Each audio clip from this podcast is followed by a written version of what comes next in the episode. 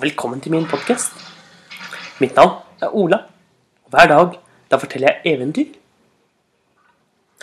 Og totalt har jeg fortalt over 400 historier. Men allikevel så har jeg veldig mange historier igjen å fortelle.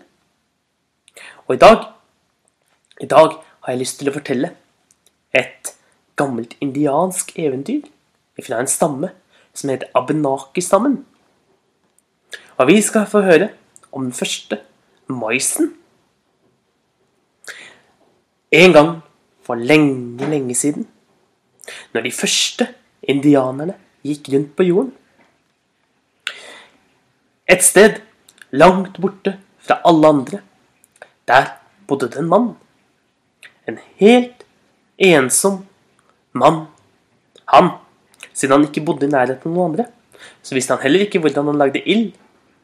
Så han levde av røtter, bark, nøtter og bær. Men denne mannen, han var veldig ensom.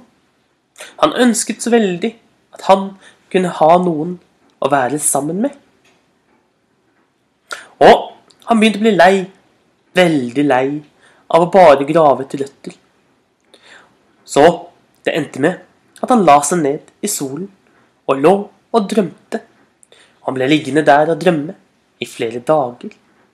Og når han våknet, da Da så han at det sto noen i nærheten av ham. Først så ble han veldig redd. Men snart så hørte han en beroligende stemme. Og han kjente at hjertet begynte å banke, og at han ble veldig glad.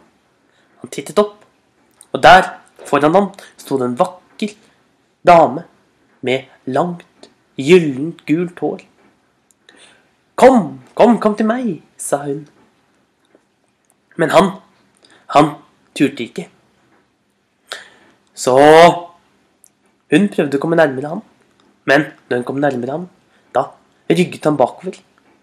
Han var ennå redd og visste ikke helt hvordan han skulle hilse på denne damen. Ikke vær redd for meg, sang hun, og hun begynte å synge en sang om ensomhet. Og til slutt så ba hun så fint om ikke han kunne komme litt nærmere. Og Og eh, han, han nikket. Så sa hun, vil du gjøre uansett hva jeg ber deg om, så skal du få lov til å være med meg. Han tenkte sånn, ja, han hadde lyst til å gjøre hva som helst for å være med henne. Så han lovet å gjøre alt det hun sa. Så hun sa Her har du to pinner.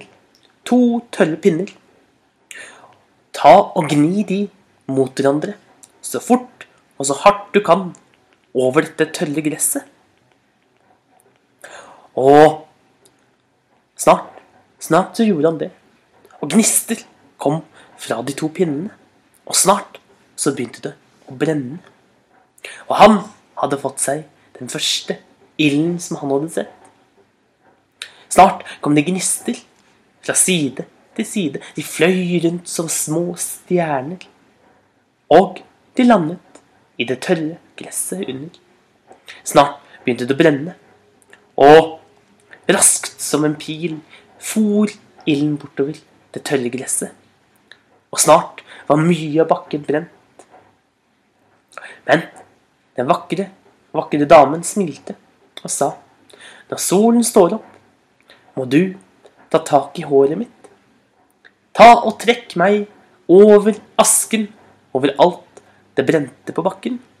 Nei, nei, nei, det har jeg ikke lyst til å gjøre, sa han. Det, det er ikke noe snilt mot deg. Og da sa hun, du lovet meg å gjøre uansett hva jeg sa. Ja, jeg gjorde vel det, sukket mannen. Så det endte med til slutt at han lovet å gjøre det hun hadde bedt han om. Så når solen sto opp, tok han tak i håret hennes og dro henne bortover bakken mens tårene rant fra øynene hans. Og Og når han hadde gått over hele det brente gresset, så snudde han seg og så på damen.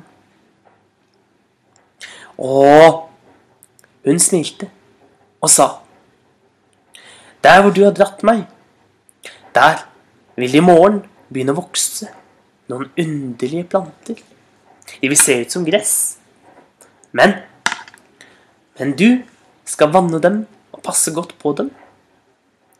Og Og senere vil du se noe som ser ut som mitt gylne hår. Det skal du kunne plukke og spise. Mannen gjorde sånn som damen hadde sagt. Han vannet og passet på de underlige plantene.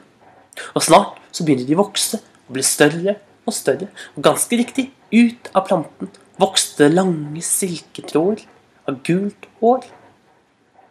Og inni så var det en kolbe med noe gult. Det var den første maiskolben.